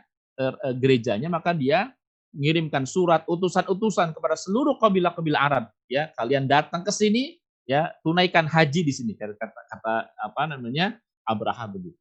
Nah, eh, di antaranya kemudian yang sampai ya utusan itu kepada uh, kabilah di Arab. Ya, sampailah berita itu kepada ahlun nasi. Ya, ini satu komunitas kabilah di Arab yang sangat mengagungkan Ka'bah. Jadi satu uh, apa kabilah komunitas ya yang sangat mengagungkan Ka'bah. Di antaranya ahlun nasi disebut dengan ahlun nasi. Mereka datang ya mendengar ajakannya Abraha dengan pongahnya gitu ya dengan sombongnya maka orang-orang yang sangat mengagungkan Ka'bah ini, ya, karena katanya ya tadi seruannya Abraha datanglah ke sini gitu, kira-kira ya, jangan ke, ke apa namanya ke apa ke Ka'bah itu. Itu merasa marah gitu. Apa yang dilakukan oleh sekelompok orang ini? Dia datang ke Yaman hanya untuk ya namanya hanya untuk buang air, hanya untuk buang kotoran, yang kotorannya orang-orang tadi disapu ke seluruh dinding gerejanya Al-Qulais. Gitu. Nah, ini apa namanya itu nakalnya ya. Jadi eh, jadi si orang-orang dari kabilah di Arab ini datang khusus ke Yaman, ya dia buang air di gerejanya Abraha, lalu kemudian apa yang dilakukan? Ya kotoran itu kemudian di apa di, di disapu ke seluruh dinding-dindingnya Al-Qulais. Sampai kemudian tadi ya Abraha marah besar. Ya, ketika Abraha tahu ya, siapa yang melakukan ini, ya orang-orang Arab tuh ya yang yang apa yang punya Mekah, yang punya Ka'bah gitu. Akhirnya Abraham marah besar, kemudian dikerahkan pasukan bergajah dengan bertekad meruntuhkan Ka'bah. Ini kira-kira lah di antara apa kenapa Raja Abraha itu ingin menyerang Ka'bah di antaranya adalah karena. Ya, sekaligus Abraha ingin melampiaskan dendamnya karena gereja yang dibuatnya ternyata tidak bisa menyaingi Ka'bah. Nggak ada tuh setelah dikirim surat kepada raja-raja di apa di eh, di apa Arab, nggak ada eh, kobilah-kobilah yang kemudian mau mendatangi gerejanya. Sebagian mereka, sebagian besar mereka datangnya ke mana? Ke, ke Ka'bah gitu. Nah, akhirnya dia kerahkan pasukan bergajah untuk menyerang Ka'bah gitu. Nah, ketika tentara Abraha sampai di perbatasan Mekah, ya dia merampas binatang ternak seluruh penduduk Mekah. Dan termasuk dia merampas sekitar 200 ekor unta miliknya Abdul Muthalib ya kakeknya Rasul Shallallahu Alaihi Wasallam ya. Lalu untuk mengambil untanya Abdul Muthalib ya yang merupakan ya raja Mekah pimpinan kabilah di Mekah datang menghadap Abraha ya. Ketika menyambut kedatangan Abdul Muthalib Abraha turun dari kursinya khusus untuk duduk di bawah bersama dengan Abdul Muthalib. Itu tanda dia menghormati Raja Mekah pada saat Nah, kepiawaian Abdul Muthalib berdiplomasi membuat Abraha menghormatinya. Abdul Muthalib meminta Abraha mengembalikan binatang ternak dan binatang ternak seluruh penduduk Mekah yang telah dirampas oleh Raja Abraha. Abraha terkejut loh. Kok kenapa yang Anda minta itu supaya saya mengembalikan unta-unta milik kalian? Kenapa kalian nggak meminta ya untuk saya agar saya tidak menyerang Ka'bah gitu? Ini juga membuat Abraha terkejut gitu. Jadi Abdul Muthalib itu ya Tuan ya kalau bisa Tuan kembalikan unta-unta kami ya kembalikan kepada Tuan. Kalau Tuan mau nyerang Ka'bah silahkan. Kira-kira begitulah gitu ya. Itu terkejut Abraham terkejut gitu ya nggak menyangka jawaban Abdul Muthalib seperti itu gitu. Nah ya lalu kemudian Abdul Muthalib mengatakan ya menegaskan wahai Tuan Abraha ya aku ini tuan-tuan dari unta-unta itu yang yang Anda ambil. Sebab itulah aku minta dikembalikan unta-unta ini. Sementara Ka'bah itu ya juga ada tuan yang menjaganya gitu. Ya Ka'bah itu ada tuan yang menjaganya. Sekira Ka'bah itu tuan Allah, pasti Allah akan menjaganya. Jadi kira begitu. Itu jawaban dari Abdul Muthalib ketika Abraha heran kok kenapa kalian minta malah minta unta milik kalian dikembalikan, bukan minta saya tidak menyerang Ka'bah. Jawaban apa? Abdul Muthalib begitu. Nah, mendengarkan penjelasan Abdul Muthalib, Abraha mengembalikan sebuah binatang ternak ya yang dirampas dan berjanji tidak akan mengganggu penduduk Mekah. Pokoknya penduduk Mekah ya eh, apa eh, eh, tidak akan saya ganggu kata Abraham. Misinya hanya ingin meruntuhkan Ka'bah gitu. Abdul Muthalib akhirnya mengajak seluruh penduduk Mekah berlindung ke balik bukit yang dekat dengan Ka'bah. Ya. Dari atas perbukitan tersebutlah ya para penduduk Mekah dengan hati yang iba dan cemas hanya mampu perhatikan apa yang dilakukan oleh Abraha terhadap Ka'bah. Jadi sambil menunggu harap-harap cemas gitu ya apa kira-kira yang terjadi nih ya Abraha dengan pasukan bergajah yang gagah-gagah itu akan menyerang Ka'bah. Kira-kira apa yang bakal terjadi? Kira-kira begitu. Nah, akhirnya rahmati Allah, ya pada hari itu kan ya Abraha e, menggerakkan tentara gajahnya menuju ke arah Ka'bah untuk meruntuhkan Ka'bah. Tetapi atas kuasa Allah Subhanahu wa taala, ternyata si pimpinan gajah ini, gajah milik Abraha itu nggak mau bergerak. Ya ditarik, dipukul, ya itu nggak mau bergerak menuju ke arah Ka'bah. Ya, walaupun sudah dipukul berkali-kali, ya akhirnya mandek lah gitu. Kalau istilah orang sudah merot gitu, ya nggak mau berangkat itu si si apa si gajah eh, pimpinan gajah milik Abraha tadi. Ya, tapi seketika itu langit mulai hitam, ternyata datang ribuan burung ababil yang membawa batu-batu kecil. Burung-burung tersebut melempari tentara Abraha dengan api yang membuat ya pasukan bergajah hancur binasa. Ya, maka kemudian inilah yang menjadi asbab nuzul ya Quran surah Al-Fil ya Eh, A'udzubillah minasyaitonir rajim. Alam taro kaifa fa'ala rabbuka bi ashabil fil al-ayat. Akhirnya apa? Selesai itu apa namanya tentara Abraha hancur termasuk Abraha juga mati ya pada saat. Apakah selesai? Ya, belum ya, masih ada lanjutan. Nah, kita mati Allah Subhanahu wa taala. Pada saatnya nanti ya, sempat Yaman itu dikuasai oleh Persia. Bagaimana kisahnya? Kisahnya begini. Abraha sebelum berangkat dia ke Mekah, lebih dulu dia menunjuk anaknya Masruk menjadi pemimpin di Yaman. Ya, dia bilang mungkin ya bahasa kita, Abah mau berangkat ke Mekah, kamu jadi raja di sini. Kira-kira begitu. Kamu menggantikan ayah di sini. Ya, ditunjuklah anaknya Masruk jadi eh, apa namanya eh, memimpin Yaman sementara. Di zaman Yaksum, ya eh, apa namanya muncul anak keturunan Zunwas, yakni Saif bin Diazin. Ya, jadi eh, apa namanya di zaman eh, anak keturunannya Abraha yakni Yaksum muncul anak keturunan Dunwas yakni Saif bin Yazid. Saif bin Yazid ingin mengusir orang Afrika yang beragama Nasrani yang menguasai Yaman pada saat itu. Jadi anak keturunan Dunwas ya kita tahu ya, yang kemudian dia eh, apa namanya eh, eh, sempat apa dia mati pada saat itu gitu. Ya karena diserang oleh orang-orang Afrika, tapi ada anak keturunannya yang bernama Saif bin Diyazid. Ya. Lalu si Saif ini menemui Kaisar Romawi. Tujuannya apa? Tujuannya supaya dia menguasai Yaman. Tapi ditolak dengan alasan kesamaan agama. gitu. Saya nggak mau. Akhirnya dia temui Raja Nu'man bin Munzir di Irak. Ya, dia temui rajanya Nu'man, Raja Nu'man bin Munzir di daerah Irak. Nah, perlu diketahui Nu'man adalah keturunannya Robiah bin Nasr yang hijrah ke Irak karena takut akan mimpinya menjadi kenyataan. Ya, ini bagi yang ikut seperti sebelumnya itu tahu bahwa si Raja Robiah bin Nasr karena mendapat penjelasan dari dukun bahwa wilayahnya akan dikuasai oleh sekian banyak generasi, gitu ya, akan apa sekian banyak orang dari berbagai macam negeri, akhirnya dia membawa sebagian keturunannya ke Irak. Nah, eh, apa Nu'man bin Munzir ini anak keturunan dari Robiah bin Nasr. Dari Yaman gitu. Ya. Akhirnya Nu'man ya dia tidak menyanggupi kalau saya yang turun sendiri saya nggak sanggup gitu. Ya karena tidak punya cukup kekuatan. Dia menyarankan ya bagaimana kalau Anda saya pertemukan dengan raja Persia. Nah gitu. Jadi tawaran dia bagaimana kalau Anda saya pertemukan dengan raja Persia? Karena ya uh, apa uh, wilayahnya Nu'man bin Mundir masuk ke dalam wilayah jajahannya Kaisar Persia pada saat itu.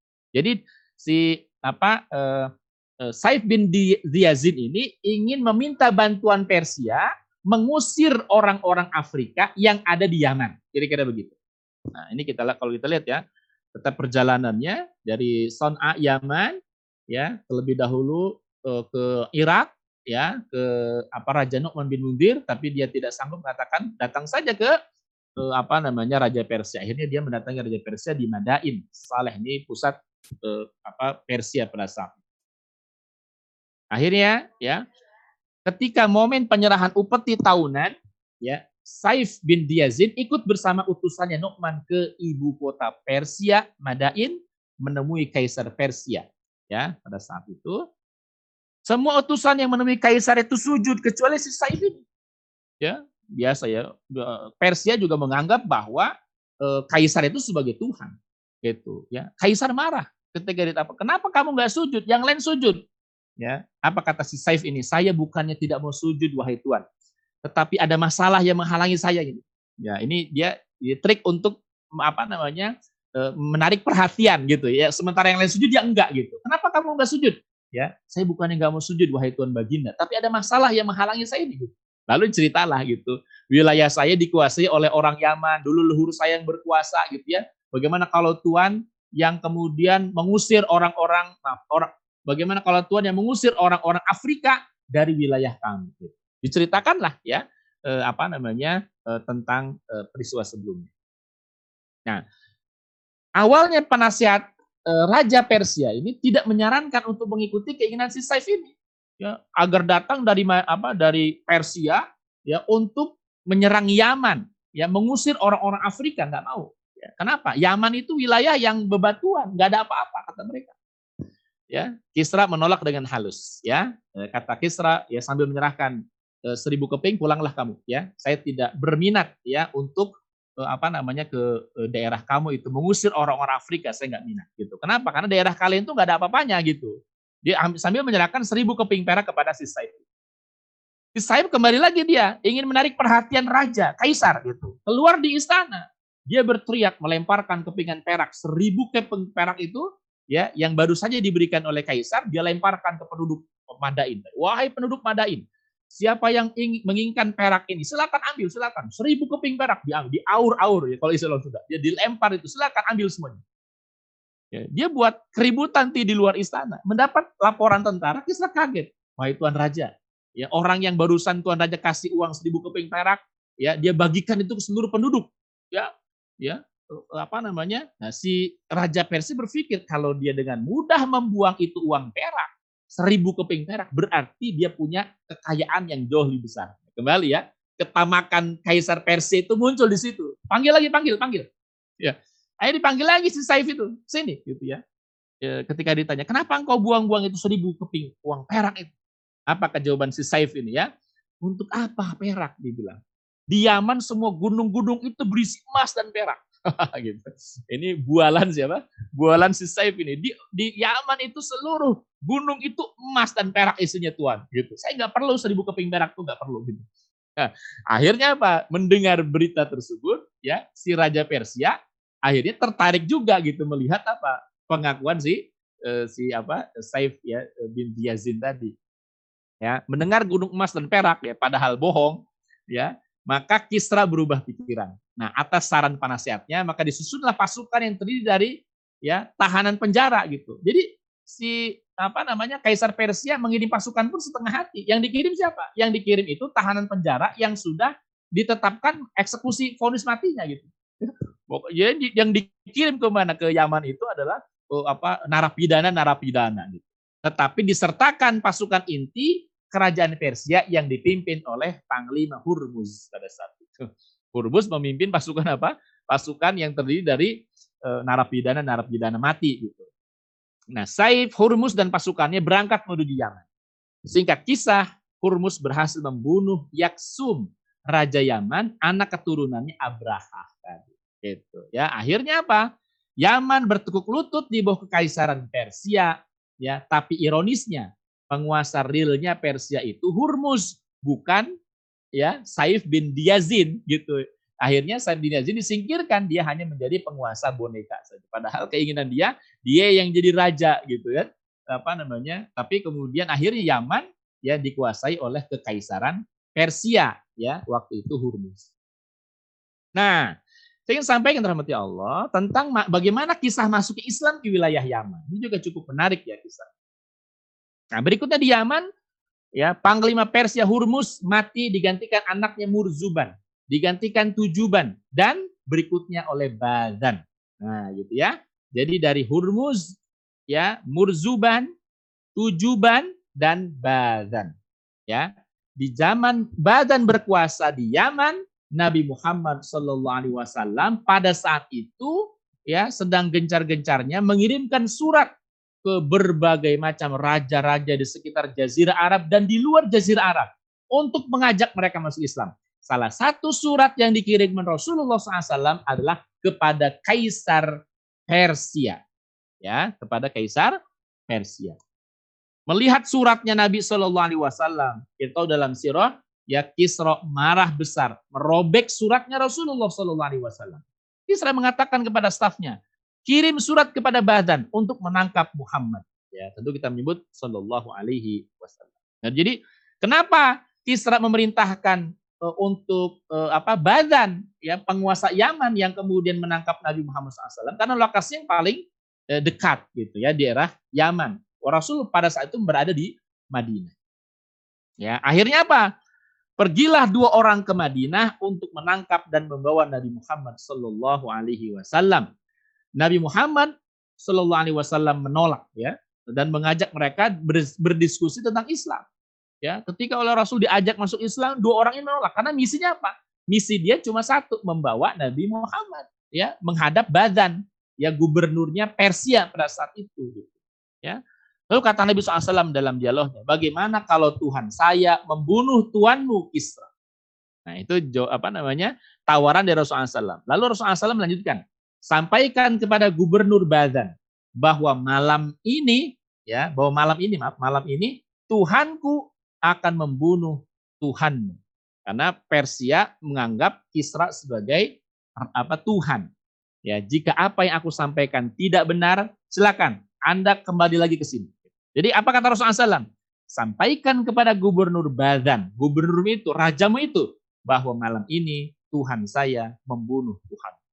Itu. Ya, akhirnya pulang lagi dia, ya dengan tangan hampa tidak membawa Rasulullah SAW. Walaupun rasa itu apa misinya membawa menangkap Rasulullah Shallallahu Alaihi Wasallam. Nah ini surat yang dikirim oleh uh, Rasulullah SAW ya Rasulullah SAW kepada Raja Persia. Bismillahirrahmanirrahim. Min Muhammadin Rasulullah ila Kisra azimu Faris. Salamun ala man al huda wa amana billah wa rasulih. Ya, wa syahida an la ilaha illallah wahdahu la syarika lah wa anna Muhammadan abduhu wa rasuluh wa ad'uka bid'a'il islam bid'a'illah fa inni ana Rasulullah ila nasi kafah diundiru man kana hayya wa yahiqqal qawlu 'alal kafirin faslam taslim fa in abaita fa inna ithmal majus 'alaik. Nah, ini suratnya Rasulullah SAW kepada eh, apa namanya Raja Persia intinya mengajak dia masuk Islam. Kalau dia menolak, maka dosanya orang-orang Majusi yang akan ditanggung oleh Raja Persia. Nah, marah tuh ya apa namanya sebagaimana tadi kisah. Nah, akhirnya saudara sekalian dirahmati Allah Subhanahu wa taala, mereka berdua pulang menemui gubernur Persia Badan dan menceritakan apa yang disampaikan Rasulullah SAW. Bahwa ya kata Muhammad kata dia gitu ya, bahwa Tuhannya itu akan membunuh Kisra Tuhan kita. Gitu. Kata Badan, jika apa yang dia sampaikan itu benar, maka kita akan beriman. Ya, maka kemudian ya, Rasul kalian dirahmati Allah Subhanahu wa taala, sekitar satu bulan berikutnya datang berita. Ini perlu kita ketahui ya. Eh, kan Rasulullah SAW mengatakan bahwa malam ini ya raja kalian akan di apa Tuhan kalian akan dibunuh oleh Tuhan saya ya kata Rasulullah Shallallahu Alaihi Wasallam. Nah dapat informasi berikutnya satu bulan berikutnya ya dia dapat berita apa Kisra mati gitu dan eh, apa terverifikasi bahwa matinya itu adalah tepat ketika Rasulullah Shallallahu Alaihi Wasallam mengatakan bahwa malam ini Tuhan saya ya apa namanya eh, akan membunuh Tuhan Gitu kira-kira. Nah, jadi oh ya ternyata benar apa yang dikatakan oleh Muhammad Sallallahu Alaihi Wasallam. Lalu akhirnya Badan dan seluruh penduduk Yaman memeluk agama Islam. Ya, dan kita tahu pada masa Nabi Sallallahu Alaihi Wasallam, Badan menjadi salah seorang wali ya atau gubernur diam, gitu ya. Uh, tentu kita mengatakan kok kenapa bisa dengan sangat mudah ya karena itulah Islam di antaranya memuliakan juga gitu ya menempatkan raja dia sebagai eh, penguasa, tidak kemudian direndahkan martabatnya, tetapi yang perlu dicatat adalah pada saat itu kan Rasulullah SAW mengutus Muad bin Jabal menjadi kodi, ya eh, Ali bin Abi Thalib juga untuk mendampingi gubernur Badan pada saat. Nah, Baik ya, uh, saudara sekalian ya yang dirahmati Allah Subhanahu wa taala gitu ya. Sedikit uh, ada beberapa slide yang disampaikan. Nah, ini terkait dengan kisahnya Waraqah bin Naufal yang masyur ya beragama Nasrani ya dan saya ceritakan kisah Zaid bin Amr sedikit gitu. tentang masuknya Waraqah bin Naufal ke dalam uh, agama Nasrani. Eh, kita tahu bahwa penduduk Mekah itu menyembah berhala. Gitu. Ah, hanya ada beberapa orang ketika itu yang eh, apa yang berontak dengan keyakinan orang-orang eh, apa Mekah yang mayoritas musyrik tadi. Ya, di antaranya siapa? Di antaranya Warokoh bin Naufal dan Zaid bin Amr.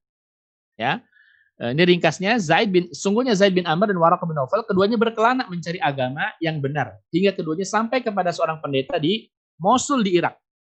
Pendeta itu berkata kepada Zaid bin Amr, dari mana kau berasal? Wahai penunggang unta, ini kata si pendeta tadi. Zaid bin Amr menjawab, dari rumah Ibrahim. Ya, eh, apa namanya? Dari rumahnya Ibrahim, maksudnya Ka'bah Mekah. Pendeta itu berkata, apa yang sedang engkau cari? Zaid bin Amr menjawab, aku sedang mencari agama yang benar. Pendeta itu kembali berkata, kembalilah kalian. Sungguh kau telah dekat dengan kemunculan agama yang benar di tanahmu, di daerahmu. Lalu Zaid bin Amr berkata, Adapun Marokoh menjadi seorang Nasrani, tetapi aku kehilangan ketertarikan terhadap agama Nasrani, karenanya Warokoh tidak sependapat denganku, kemudian Zaid bin Amr kembali ke Mekah. Dalam riwayat dikatakan bahwa yang pertama Warokoh eh, apa namanya Ibn Naufal meluk agama Nasrani, yang kemudian pada akhirnya ya dialah yang membenarkan kenabian Rasulullah Shallallahu Alaihi Wasallam. Ya, terkait dengan Warokoh Ibn Naufal, dialah sepupu tertuanya Sayyidah Khadijah radhiyallahu anha ya uh, beliau pernah uh, mendengar bahwa di Mekah dulu memeluk agama yang dibawa oleh Ibrahim akhirnya beliau berangkat menuju Syam menuju Irak ya menemui pendeta Nasrani Yahudi akhirnya dia meluk agama Nasrani ketika Rasulullah SAW menceritakan kejadian di Gua Hira dia berjanji akan beriman dan membela Nabi Shallallahu Alaihi Wasallam. Beliau lebih dulu wafat sebelum ayat perintah tentang dakwah Rasulullah apa namanya itu turun. Rasulullah SAW bersabda tentang Waraqah bin Naufal, la tasubu Waraqah Ibnu Naufal fa inni ra'aitu lahu jannah au jannatain. Jangan kalian cela Waraqah bin Naufal, sungguh aku melihat dia memiliki satu atau dua dari taman-taman surga. Baik ya. Uh, Rasulullah rahmat Allah Subhanahu wa taala, ya demikianlah ya kisah ya terkait dengan uh, masuknya agama eh, Nasrani ke Jazirah Arab, lalu kemudian berganti uh, apa namanya uh, dikuasai oleh Persia, ya sampai kemudian dikuasai oleh uh, Islam yang sebelumnya dikuasai oleh orang-orang uh, Habasyah ya orang-orang Afrika. Mohon maaf ya mungkin terlalu cepat saya menyampaikannya. Nah, sekali lagi uh, ini sebagai uh, apa uh, pengantar nanti untuk sampai kepada materi tentang uh, sirah Nabi Shallallahu alaihi wasallam. Baik, demikian Ustaz Supriyadi yang bisa sampaikan. Mudah-mudahan bisa di pahami ya eh, apa yang saya sampaikan karena tadi banyak sekali menyangkut peristiwa kejadian ya, dan seterusnya. Gitu ya. ya sepertinya uh, uh, banyak yang uh, ingin diceritakan ini sebetulnya ya hanya saja mungkin mungkin karena terbatas waktu ya. Ini. Betul betul. Iya. Ya. Saya melihatnya memang ya. seperti itu. ya baik hmm. mungkin ke pertanyaan ya Ustadz uh, boleh ya uh, mungkin empat pertanyaan ya. mungkin ya mudah-mudahan bisa cukup ya. Uh, di sini sudah ada yang bertanya di YouTube uh, dari Umutaki ya. Afan uh, Ustadz, dari penjelasan Ustadz, agama Nasrani masa itu adalah agama yang masih menyembah Allah ya. Tadi seperti yang ya. diceritakan ya. Namun di tafsir Ibnu Kasir disebutkan penjelasan uh, ayat ke-7 Quran surat Al-Fatihah yang dimaksud adalah uh, adolin adalah adalah Nasrani. Ini ini bagaimana penjelasannya? Oke, okay, baik ya. Nah, selain ini saya ingin menjelaskan begini ya, bahwa kita tahu ya, eh, memang betul ya pertemuan sebelumnya saya jelaskan ya bahwa eh, eh, orang-orang Nasrani disebut abdalin dalam Quran Surat orang-orang yang sesat. Tetapi itu tidak eh, merujuk kepada eh, apa namanya seluruh orang Nasrani itu. Maksudnya ada sebagian orang-orang tertentu pada saat itu, sebagaimana halnya misalnya Warokoh Ibnu Naufal ya yang dia kemudian tidak apa tidak mengimani ya tidak meyakini bahwa Nabi Isa sebagai Tuhan. Dalam Al-Qur'an digambarkan laqad kafarul ladina yaquluna Isa Allah. Kafir orang yang mengatakan Isa ibnullah. Siapa yang kafir? Orang yang meyakini Isa anak anak Allah. Lah orang yang nggak meyakini Isa anak Allah kafir nggak? Nggak kafir dia. Dan karena pada saat itu ya Rasulullah Shallallahu Alaihi Wasallam belum diutus oleh Allah Subhanahu Wa Taala. Nah maka eh, ajaran yang eh, apa Allah eh, turunkan ya melalui kitab Injil itulah yang benar gitu. Maksudnya apa? Tentu Injil yang belum apa? Yang belum diubah, yang belum diganti oleh tangan-tangan manusia gitu. Jadi uh, terkait dengan keyakinan uh, apa namanya eh, orang-orang Nasrani itu juga beragam luar biasa gitu. Sebagian di antara mereka meyakini Isa anak Tuhan, ya itu kafir jelas karena Quran mengatakan laqad kafarul ladzina yaquluna Isa Kafir orang mengatakan Isa Allah. Dalam Quran surah Al-Fatihah juga dikatakan ya ghairil maghdubi alaihim waladdallin ya bukan termasuk orang-orang yang engkau benci yakni Yahudi ya walau dalin dan orang-orang yang sesat ya ini sama orang-orang Nasrani. Tetapi saya katakan, saudara rahmat Allah Subhanahu wa taala gitu.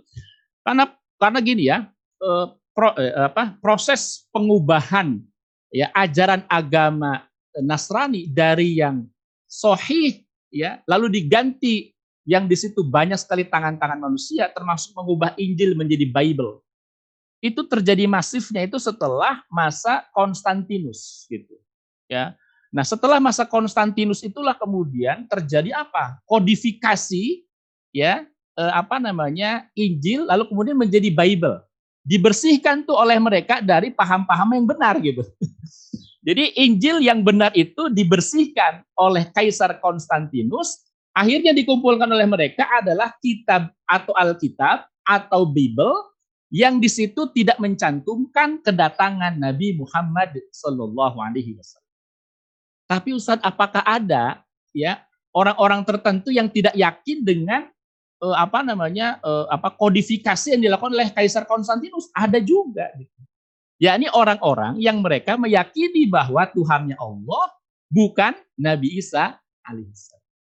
Nah, gitu kira-kira. Maka tadi saya sebut peng, apa yang mengimani Injil gitu. Karena tadi kalau merujuk kepada Nasrani atau Kristen memang eh, apa dikatakan tadi ya Quran sendiri mengatakan bahwa eh, apa namanya sebagian di antara mereka, sebagian besar di antara mereka telah mengubah Alkitab dengan tangan-tangan mereka sendiri. Ya, pertemuan sebelumnya saya jelaskan ya orang-orang Nasrani. Tapi ada juga di antara mereka yang tetap mengimani Allah sebagai Tuhannya, ya, mengimani meyakini Nabi Isa adalah utusan Allah, bukan seorang uh, Tuhan, bukan bukan Tuhan, dan meyakini kedatangan Nabi Muhammad Shallallahu Alaihi Wasallam sebagai nabi terakhir. Ada juga yang meyakini seperti ya gitu. Nah, karena kan kita bicara fragmen ini sebelum diutus apa? Nabi Muhammad sallallahu alaihi wasallam. Jadi masa itu memang ada yang meyakini Isa anak Allah, ya, kafir dia, laqad kafarul ladzina yaqulun Isa Allah, ya. Tapi ada juga di antara penganut Injil yang memang mereka masih memiliki Injil yang benar ya yang belum ada campur tangan manusia dan mereka meyakini bahwa Isa itu hanya utusan Allah, hanya nabi dan rasul, bukan seorang eh, bukan tuh bukan Tuhan. Demikian Ustaz Supri. Makanya kemudian Rasulullah SAW ya mengatakan walaupun ketika itu secara zohir eh, Warokoh ibnu Naufal tidak belum menyatakan keislaman karena Rasul belum apa namanya diperintahkan untuk mengajak orang lain masuk Islam, ya maka apa kata Rasul? La tasubu bin Naufal. Jangan kalian celak Waraqah bin Naufal. Masyhur Waraqah bin Naufal itu penganut Nasrani itu masyhur itu ya masyhur itu. Bahwa Waraqah bin Naufal sepupunya Siti Khadijah radhiyallahu anha penganut Nasrani itu masyhur dikenal betul ya. Tapi kata Nabi SAW dia akan mendapatkan satu kebun atau dua kebun di surga nah gitu kira-kira ya kenapa karena Warokoh tidak meyakini Nabi Isa sebagai Tuhan Wallahu. Baik Ustadz, ini ada yang e, meminta penjelasan kembali mungkin secara singkat ini dari Asterlina dari YouTube. Ini e, beliau bertanya, e, apa Ustadz? Jadi Nasrani itu e, bukan berasal dari Nabi Isa alaihissalam kah? Ya, ini saya bingung katanya. Ya, oke, saya ingin kita tidak membahas itu, tapi saya ingin jelaskan begini ya, terus kalian. Nah, sebelumnya pertemuan sebelum saya jelaskan, ya. Makanya tadi saya menyebut Nasrani itu sebenarnya untuk mengkonekkan dengan ajaran Injil gitu, untuk lebih memudahkan sebenarnya. Sementara apa agama ya eh, apa eh, kata Allah Subhanahu wa taala ya eh, wa makan Ibrahimu Yahudiyan wala Nasraniyan walakin hanifan musliman. Sebelumnya saya pernah jelaskan terkait dengan hal tersebut ya, terkait dengan eh, apa namanya bagaimana sebenarnya eh, apa namanya penjelasan eh, apa agama-agama eh, sebelumnya ya bahwa ya Allah tidak menurunkan agama Yahudi atau Nasrani sebagai sebuah agama gitu ya. Jadi sebelum-sebelumnya adalah Islam. Jadi saya ingin jelaskan begini. Allah menurunkan kitab eh, apa namanya? Allah menurunkan Taurat kepada Nabi Musa. Ya, tidak ada penjelasan untuk agama Yahudi tidak. Gitu. Cukup ya eh, keyakinan kita itu adalah apa? Allah menurunkan Taurat kepada Nabi Musa alaihissalam. Allah menurunkan kitab Jabur kepada Nabi Daud alaihissalam. Allah menurunkan kitab Injil kepada Nabi Isa alaihissalam.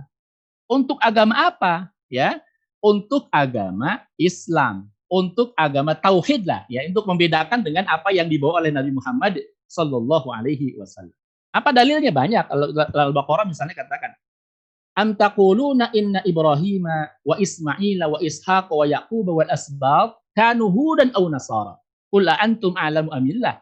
Ya. Kata Allah, am taquluna an inna Ibrahim wa Ismail wa Ishaq wa Yaqub wa asbab kan hudan aw nasara.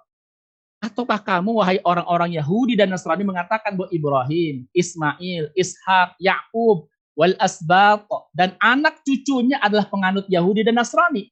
Ini kalimat tanya untuk menunjukkan tidak sebenarnya kan kira-kira begitu. Katakanlah apa katakanlah kamu yang lebih tahu ataukah Allah gitu. Artinya Allah ingin menunjukkan bahwa apa? Ibrahim, Ismail, Ishak, Yakub dan anak cucunya laisa hudan au nasara, bukan Yahudi atau Nasrani.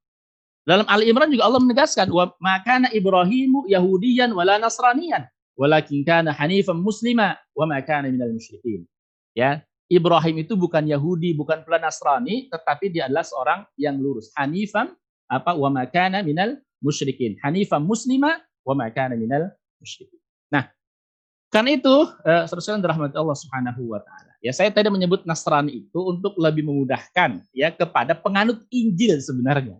Karena tadi saya katakan ya agama Kristen sendiri atau Nasrani sendiri itu ya baru menjadi sebuah dalam tanda petik ya e, dibuat menjadi agama dan pengukuhan eh, apa eh, Yesus menjadi Tuhan itu pada tahun 325 Masehi. Gitu. Tahun 325 Masehi dikukuhkanlah siapa Nabi Isa alaihissalam sebagai Tuhan oleh orang-orang eh, Kristen pada masa Kaisar Konstantin berkuasa pada saat itu. Itu ya. Jadi saya ingin eh, apa namanya menjelaskan bahwa Allah tidak menurunkan agama Yahudi, tidak menurunkan agama Nasrani, tapi keyakinan kita Allah menurunkan Taurat kepada Nabi Musa alaihissalam untuk kaum Bani Israel. Oke, okay? Allah menurunkan Nabi apa eh, Jabur kepada eh, Nabi Daud alaihissalam untuk Bani Israel.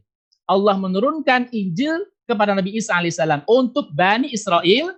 Allah menurunkan Al-Quranul Karim kepada Nabi Muhammad sallallahu alaihi wasallam untuk seluruh umat manusia.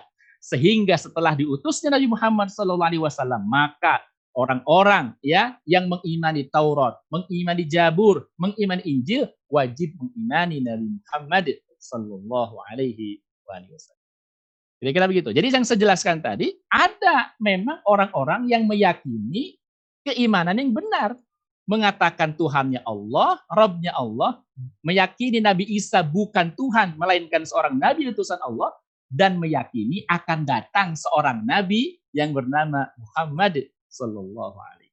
Nah mereka disebut orang beriman tuh. Kalau dia mati wafat, ahlul jannah insya Allah. Nah, kira-kira begitu. Termasuk di antara siapa? Warokoh Ibn Naufal. Begitu contoh sederhana. Allahu a'lam. Baik, masya Allah ya. Mudah-mudahan uh, ini, ini ya uh, clear ya. Insya Allah tadi sudah disampaikan uh, paparannya dengan cukup jelas uh, oleh Ustaz Lutfi Afandi. Baik, uh, kita uh, masuk ke beralih kita ke Zoom. Ada pertanyaan ini dari Wiwi Nurhayati. Ini ya Ustaz. Dari Wiwi Nurhayati beliau bertanya, uh, pada zaman dahulu begitu mudahnya orang orang-orang berpindah agama dan meyakini agama tauhid di mana setelah ada pembuktian yang nyata dan faktanya terindra dengan jelas. Namun zaman sekarang orang-orang Islam banyak yang tidak mau tunduk kepada seluruh aturan Allah termasuk menerapkan semua aturannya. Apakah tidak cukup bukti atau karena kesombongan manusia? Gitu. Ya. Banyak faktor ya, banyak faktor kenapa bukan hanya orang-orang zaman sekarang, tapi orang-orang dulu juga yang tidak mau mengimani suatu hal yang benar. Di antaranya karena eh, apa namanya eh, ego, ya, ghorizatul baqo. Contoh misalnya eh, apa namanya Abu Jahal.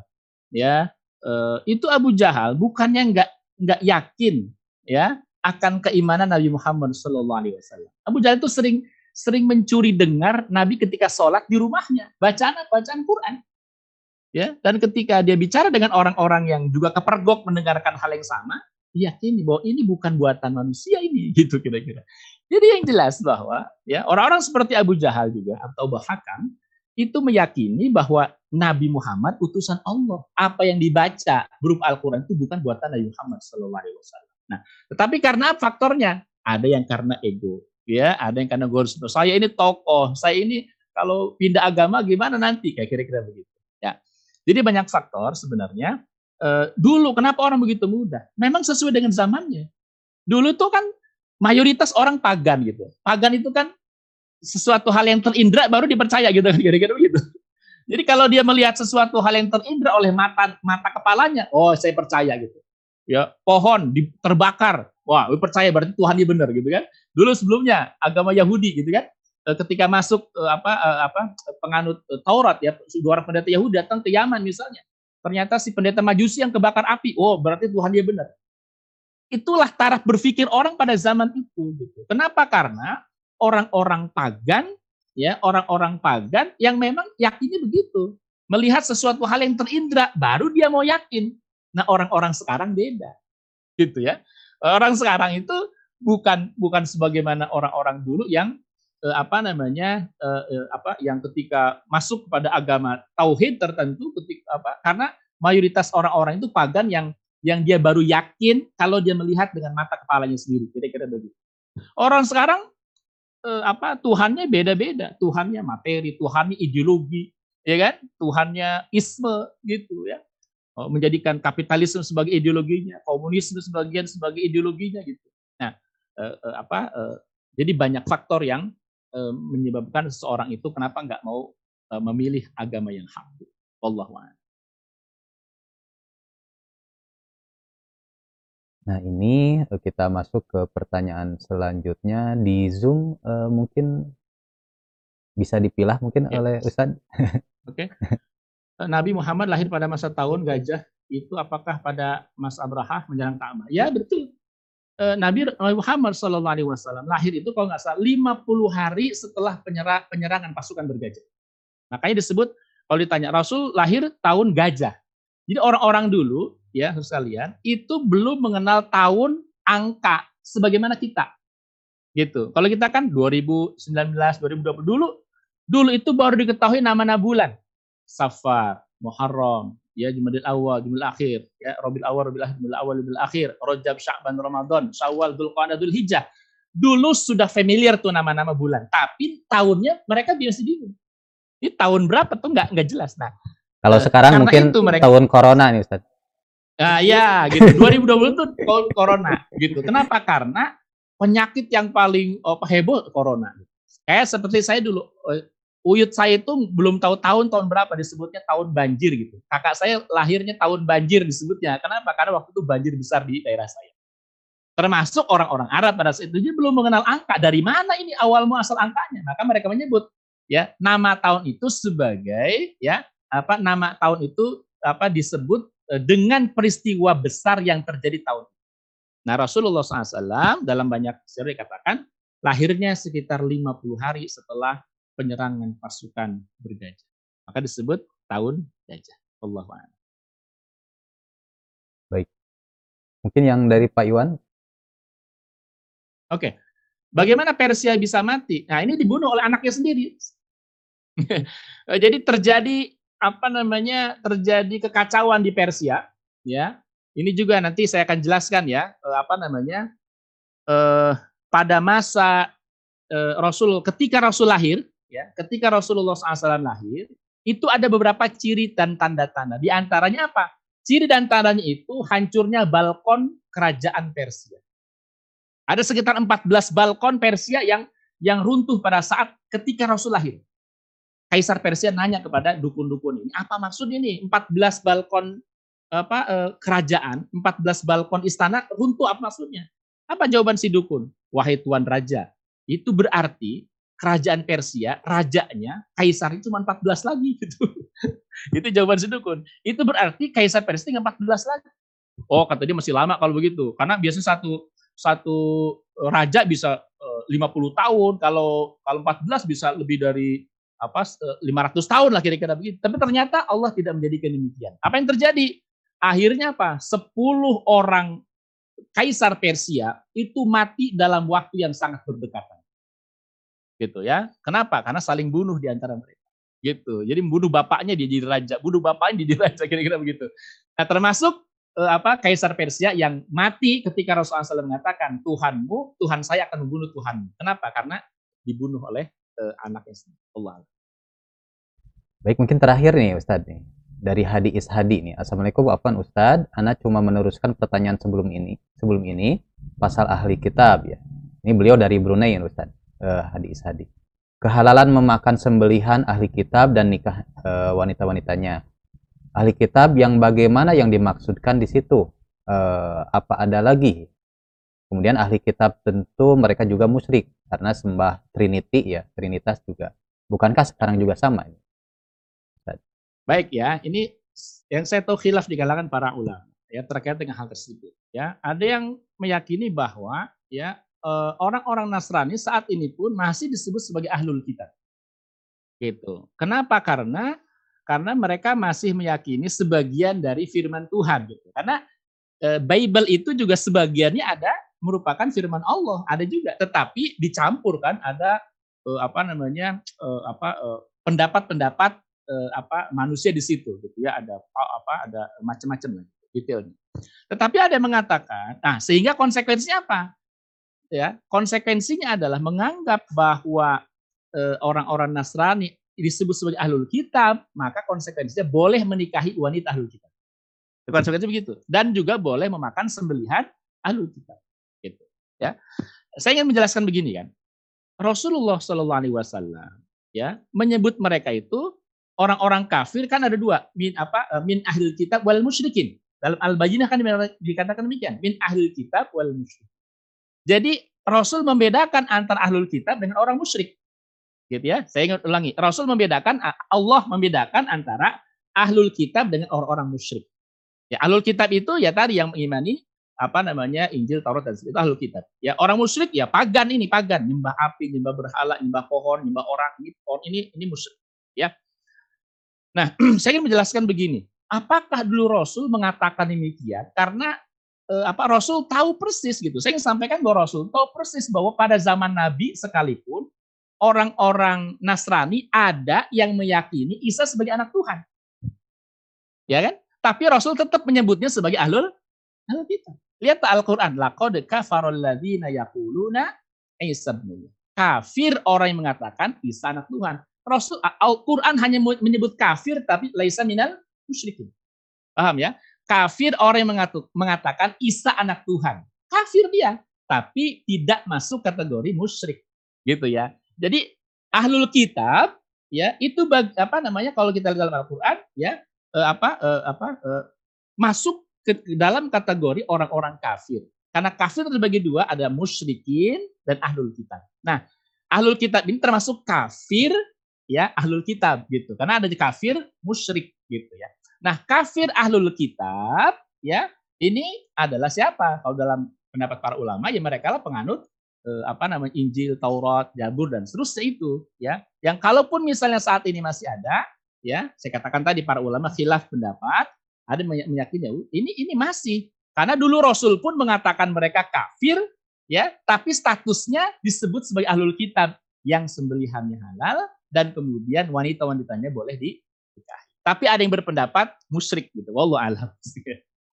Tapi saya mengikuti uh, apa saya merujuk pada Al-Qur'an, orang mus, apa kafir terbagi dua, minal musyrikin ya apa namanya min ahlil kitab wal musyrikin. Ya, jadi dia kafir juga, bukan musyrik gitu ya.